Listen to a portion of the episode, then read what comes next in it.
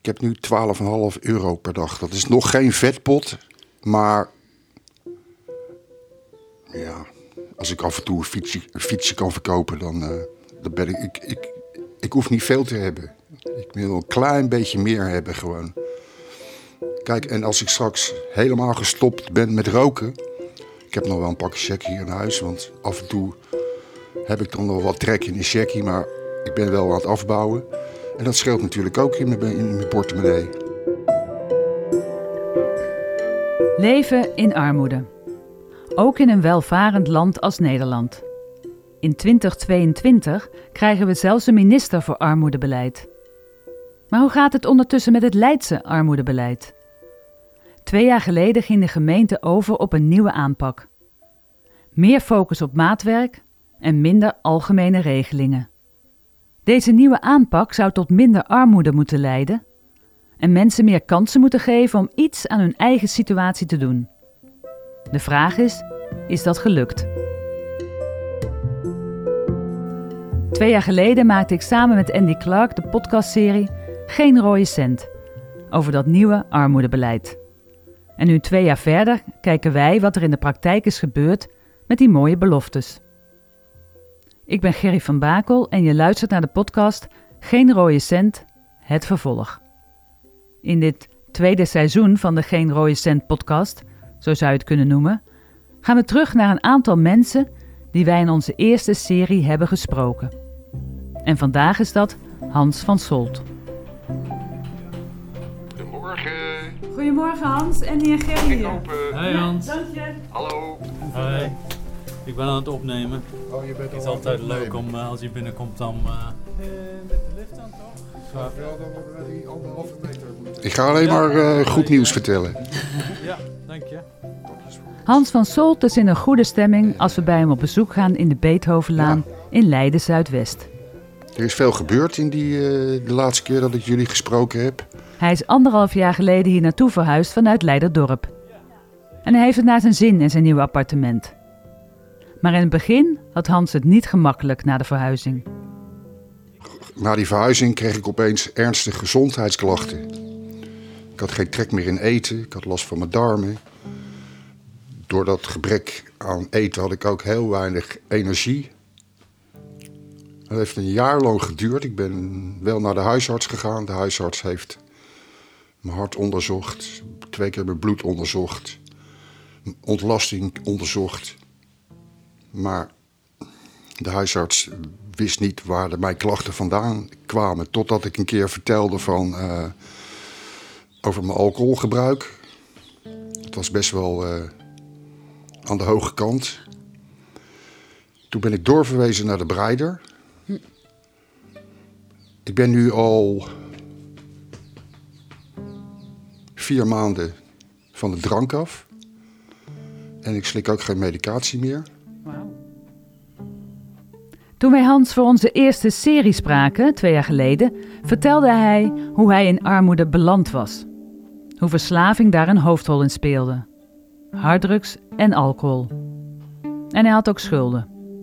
Heel veel zelfs. Meer dan 30.000 euro. Van de alcohol is hij nu af, vertelt Hans. Eh, als je nu kijkt naar je leven nu en vergeleken met dat, eh, wat voor een cijfer zou je dan nu geven? Op dit moment, cijfer? Nou, een zeven. En,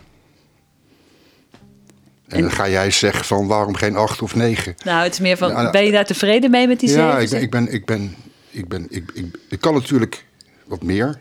Maar ja, je moet altijd vooruitkijken gewoon. Maar op dit moment ja, gaat het hartstikke goed met mijn gezondheid. En ook, ook in, eh, in mijn hoofd wat rustiger geworden. Ja. Ja, want je zegt van, ik, ik, ik drink nou eh, niet meer en, en ik rook niet meer. Van, ehm, merk je daar dan ook meteen van dat je daardoor fysiek ook beter voelt? Ja, vooral dat niet drinken. Ja, ik voel me echt, echt, echt. eh, je staat ook niet meer eh, s ochtends op met, met, een- met een houten kop. Ja, het heeft alleen maar voordelen, niet drinken. En ik denk ook dat ik ook nooit meer ga drinken gewoon. ik heb er ook totaal geen behoefte meer aan. Ik heb wel in eh, eerste instantie daar medicatie voor gehad. Ik heb ook Revisol eh, geslikt. Revisol, dat is een geneesmiddel. Als je toch drinkt, dan word je daar ontzettend ziek van. Oké. Dus het is een soort paardenmiddel, is het. Maar wat gebeurde met mij nou? Ik had die eerste weken dat ik die Revisol slikte, kreeg ik een doosje bonbons van de voedselbank. En ik lig op de bank en ik eet één bonbon. En vijf minuten later word ik ziek, zeg. En ik denk, waar word ik dan zo ziek van? En toen dacht ik van ja, in bonbons zit natuurlijk ook alcohol. Al is het maar een druppeltje. Maar ik ben daar echt twee dagen echt ziek van geweest. Gelukkig kan Hans er zelf ook wel om lachen. Wat er ook bij hem speelde, toen we hem voor het eerst ontmoetten, was dat zijn gebit heel erg slecht was. Hans schaamde zichzelf daarvoor en had moeite met eten. Tijdens zijn behandeling voor de alcoholverslaving kwam hij erachter dat er een tandarts is voor mensen met een verslavingsachtergrond bij de Jelinek Kliniek in Amsterdam. Omdat ik al heel lang niet meer verslaafd ben aan de harddrugs, was dat nog wel best wel heel erg moeilijk om daar terecht eh, te komen. Maar ik heb het allemaal een beetje aangedikt. Toen ben ik daar in behandeling genomen. Toen ben ik in, in een tijd van twee maanden eh, ben ik daar eh, zes keer geweest. Er zijn in totaal zijn er eh, vijf kiezen getrokken en vier tanden getrokken. Hans laat vol trots zijn nieuwe gebit zien. Hij heeft wel veel last gehad van naweeën van al dat getrek, maar het is het wel waard geweest. Hans is ook onder behandeling van een psycholoog vanwege zijn verslaving. En op die manier is hij in aanraking gekomen met een nieuw project in Leiden. Op een gegeven moment vroeg de psycholoog van... nou, wat kunnen we verder nog voor je doen? Ik zei, nou ja, eigenlijk helemaal niks. En toen zei ze van, er is een nieuw eh, project in Leiden... dat heet Kunst op Recept. Eh, er zijn een aantal kunstenaars, beeldhouders, schilders, fotografen... die zeg maar eh, mensen gratis les gaan geven. Je krijgt zes lessen... En dat is voor mensen met verslavingsproblemen, psychische problemen, eh, oudere mensen. Ik heb me eigen aangemeld voor de workshop fotografie. Op een gegeven moment moest ik gewoon kiezen. En ik heb best wel een hele brede belangstelling. Dus ik had eigenlijk gezegd van, nou zou ik dan niet ook eh, een paar dagen met een kunstenaar mee kunnen lopen, of een beeldhoudster, of een fotograaf. Dat was wel mogelijk, maar dat was een beetje moeilijk om te, om te organiseren. Toen heb ik gezegd, nou, ik maak gewoon een keuze. Ik wil wel fotografie doen. Ik heb mijn eerste les heb ik gehad. Ja, ik vind het hartstikke leuk. Alleen moet ik een... eh, als, je, achter je kijkt, dan zie je dat fototoestelletje staan. Dat is een cybershot. Dat is een, zeg maar een, een beetje een toeristentoestelletje. Dus die fotograaf zei van ja, dit is wel een leuk toestelletje, maar eh, je moet eigenlijk wel een eh, goede digitale camera hebben. Ja, dus nu ben ik aan iedereen aan het vragen in mijn omgeving van of ik een digitale camera kan lenen. Want ik kan het zelf niet kopen, want ik heb daar budget niet voor. Ja, nou, het is alleen maar, eh, alleen maar positief eigenlijk. Ja. En, en die fotografiecursus, wat, eh, wat houdt dat dan in? Eh, Je hebt nu pas één les gehad, dus maar eh, ga- gaat iemand je leren fotograferen? Of gaat het ook om het afdrukken van foto's of het bewerken van foto's? Nou, je leert zeg maar de basistechnieken. Eh, de eerste les die ik heb gekregen, ik had mijn mobiel meegenomen. Daar kan je dus ook foto's mee, mee, maken. En hij heeft me laten zien wat voor mogelijkheden er allemaal op zaten. wa- Waarvan ik zelf helemaal niet op de hoogte was. Dus ik ben nu al een beetje aan het oefenen om foto's te nemen. Dus met flits of zonder flits. Ehm, ja, ik vind het hartstikke leuk om te doen. En ik denk dat ik misschien best wel talent ervoor heb. En misschien heb ik wel zoveel talent dat ik daar eh, mijn inkomen. eh, kan genereren en dat ik straks die bijstandsuitkering kan opzeggen. Maar ja, misschien loop ik een beetje te hard van stapel, maar... Het is altijd goed om dromen te hebben, toch? Precies, dat is het ook. Of een doel hebben in je leven, waar je, waar je, waar je, waar je naartoe gaat. Dat is heel belangrijk voor mij, ja. Dat heb ik de hele tijd niet gehad. En nu, nu heb ik dat weer.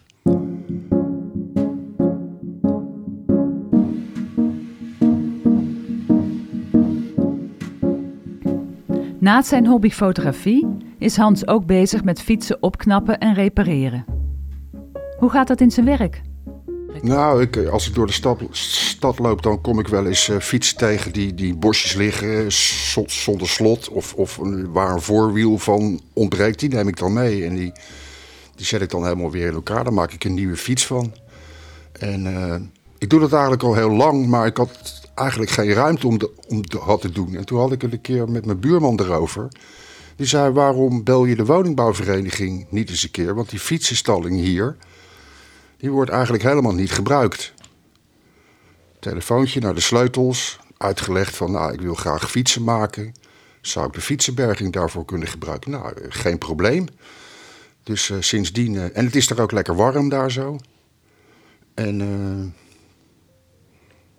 Ja, en nogmaals, ik vind het heerlijk om aan fietsen. Ik ben geen, geen gediplomeerd fietsenmaker. Maar bandjes plakken, een ketting wat strakker zetten, uh, verlichting, dat, dat kan ik allemaal. En wat ik dan ook doe als ik een fiets in elkaar heb gezet, ja, dan ga ik die verkopen natuurlijk. Om, extra, om een extra centje te krijgen. En uh, ik heb daar ook toestemming voor gekregen van mijn bewindsvoerder. Dus ik sta nog steeds onder financiële bewind, beschermingsbewind. En uh, dat blijft ook zo. Dat heeft gewoon veel meer voordelen dan nadelen eigenlijk. Want wat houdt dat voor jou in, beschermingsbewind? Nou ja, dat voorkomt dat ik geen schulden maak, zeg maar. En dat gewoon uh, mijn vaste lasten op tijd worden betaald. En dat ik een spaarrekening heb. Dat heb ik ook nooit in mijn leven gehad. Dat is wel heel fijn als je gewoon een soort buffertje hebt. Het klinkt eigenlijk allemaal heel erg goed. Maar van hoeveel geld moet jij dan leven in de week?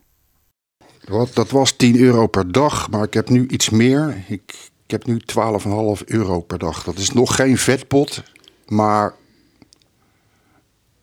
ja, als ik af en toe een fietsje, een fietsje kan verkopen, dan, uh, dan ben ik, ik, ik, ik hoef niet veel te hebben. Ik wil een klein beetje meer hebben gewoon. Kijk, en als ik straks helemaal gestopt ben met roken... Ik heb nog wel een pakje check hier in huis, want af en toe heb ik dan nog wat trek in een checkie, maar ik ben wel aan het afbouwen. En dat scheelt natuurlijk ook in mijn, in mijn portemonnee. Ja. ja, niet drinken, niet roken, dat, uh, dat moet natuurlijk Zeker, ook uh, ik heb het samen met die uh, arts heb ik het uitgerekend hoeveel het op jaarbasis is. Nou, daar kan je een leuke vakantie van, van houden, van dat bedrag. Dus. Hans is 60 jaar en hij vertelt dat hij een brief van de gemeente heeft gekregen dat hij niet meer hoeft te solliciteren. En dat zorgt voor gemengde gevoelens. Ja, je zei net van dat de gemeente had je een brief geschreven dat je niet meer hoeft te solliciteren. Nou kan ik me best voorstellen dat dat heel veel stress oplevert. Maar ik vind eigenlijk dat ze ook zeggen, ja, je hoeft niet meer te participeren.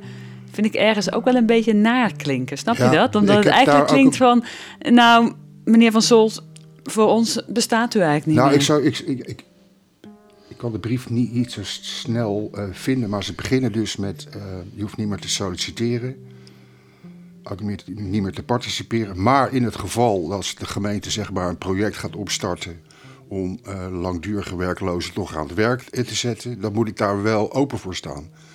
Maar ik had ook een beetje dubbele gevoelens. Ik dacht van, aan de ene kant vind ik het fijn dat ik niet meer hoef te solliciteren en te participeren. Vrijwilligerswerk heb ik altijd al gedaan, zeg maar. Maar aan de andere kant denk ik van ja, nu hebben jullie ook in de gaten dat dat reïntegratietraject gewoon helemaal mislukt is. En dan laten jullie me gewoon vallen gewoon. Ik heb jarenlang heb ik mijn best gedaan in dat reïntegratietraject. De bedoeling was om mij uiteindelijk aan een reguliere baan uh, te helpen, maar dat is gewoon compleet mislukt. En dan denk je van, en nou, en nou eh, laten jullie me gewoon... eh, Wel een beetje triest vind ik dat. Maar je participeert wel natuurlijk, want je bent bezig met zo'n fotocursus en je helpt je buren en je maakt fietsen. Nou ja, eh, Gerry, ik geloof dat alleen maar door je aanwezigheid op deze wereld je al eh, pa- pa- participeert. Want het hoeft, je hoeft maar heel iets kleins te doen voor, voor, voor iemand. En dat kan heel iets groots zijn voor, voor diegene. Dus ik vind dat. eh, ja, participeren, ja, verplichten. Je moet niks verplichten. Je moet het aan mensen. Gewoon, je moet. Ja, mensen moeten zelf die beslissing kunnen nemen of ze wel of niet willen participeren. En er zijn genoeg mensen die helemaal niet willen participeren. Nou, laat ze lekker gewoon. Dat is mijn mening.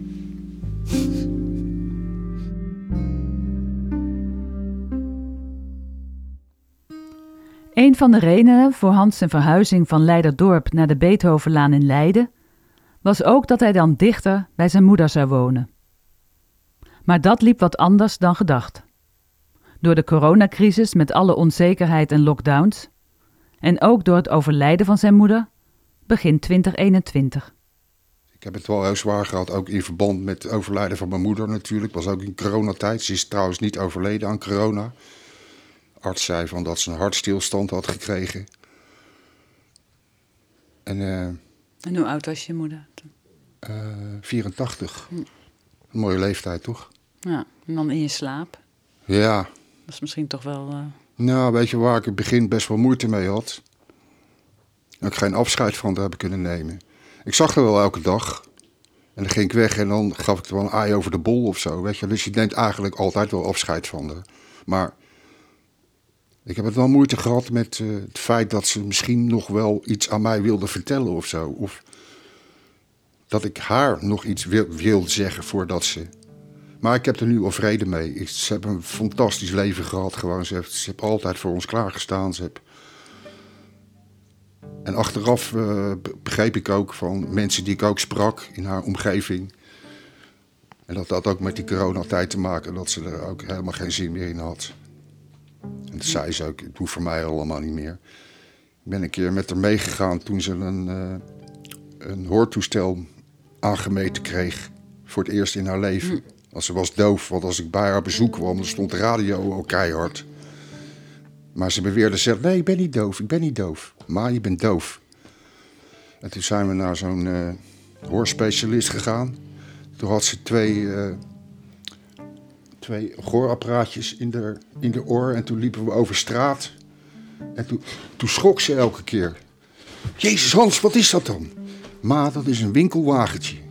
Dat hoor je nu goed, want je hebt twee. Maar ik geloof dat ze ze drie weken heeft ingehouden en toen zei ze van, eh, ik hoef het niet meer. En dat, dat was eigenlijk al een signaal van, nou,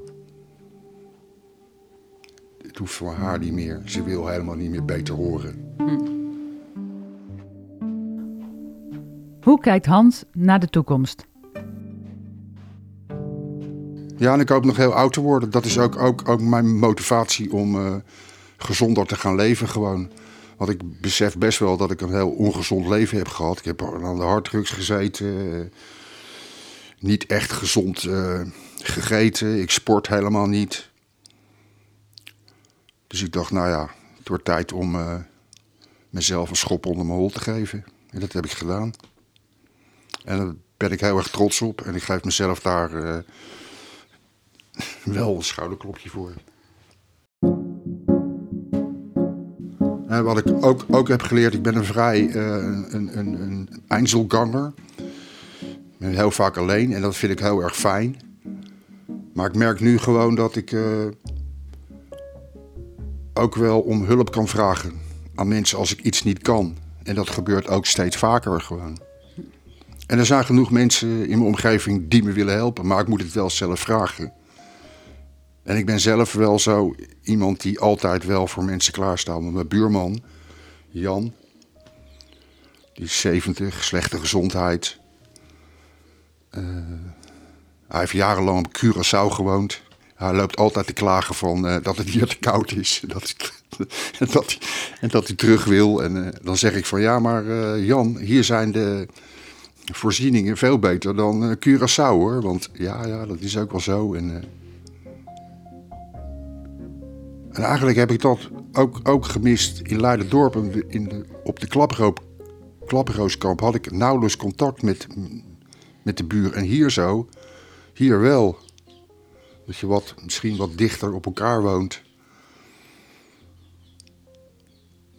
Over de verhuizing uh, trouwens, dat heb ik ook allemaal zelf uh, uh, bekostigd. Van mijn spaargeld. Oké. Okay. Ja. En achteraf denk ik nu van ja, ik had misschien ook wel een verhuisvergoeding kunnen aanvragen. Inrichtingskosten. Maar ja, eigenlijk is het ook best wel lekker dat je dat nu zelf hebt betaald in plaats van bijzondere bijstand aan te vragen of weet dat je er recht op hebt. Maar ja, als je het niet kan, als je het niet hoeft, dan doe je het ook niet. Ondanks de problemen die Hans nog altijd ondervindt, geeft hij zijn leven een 7. En wie weet, wordt het nog wel een 8 of een 9.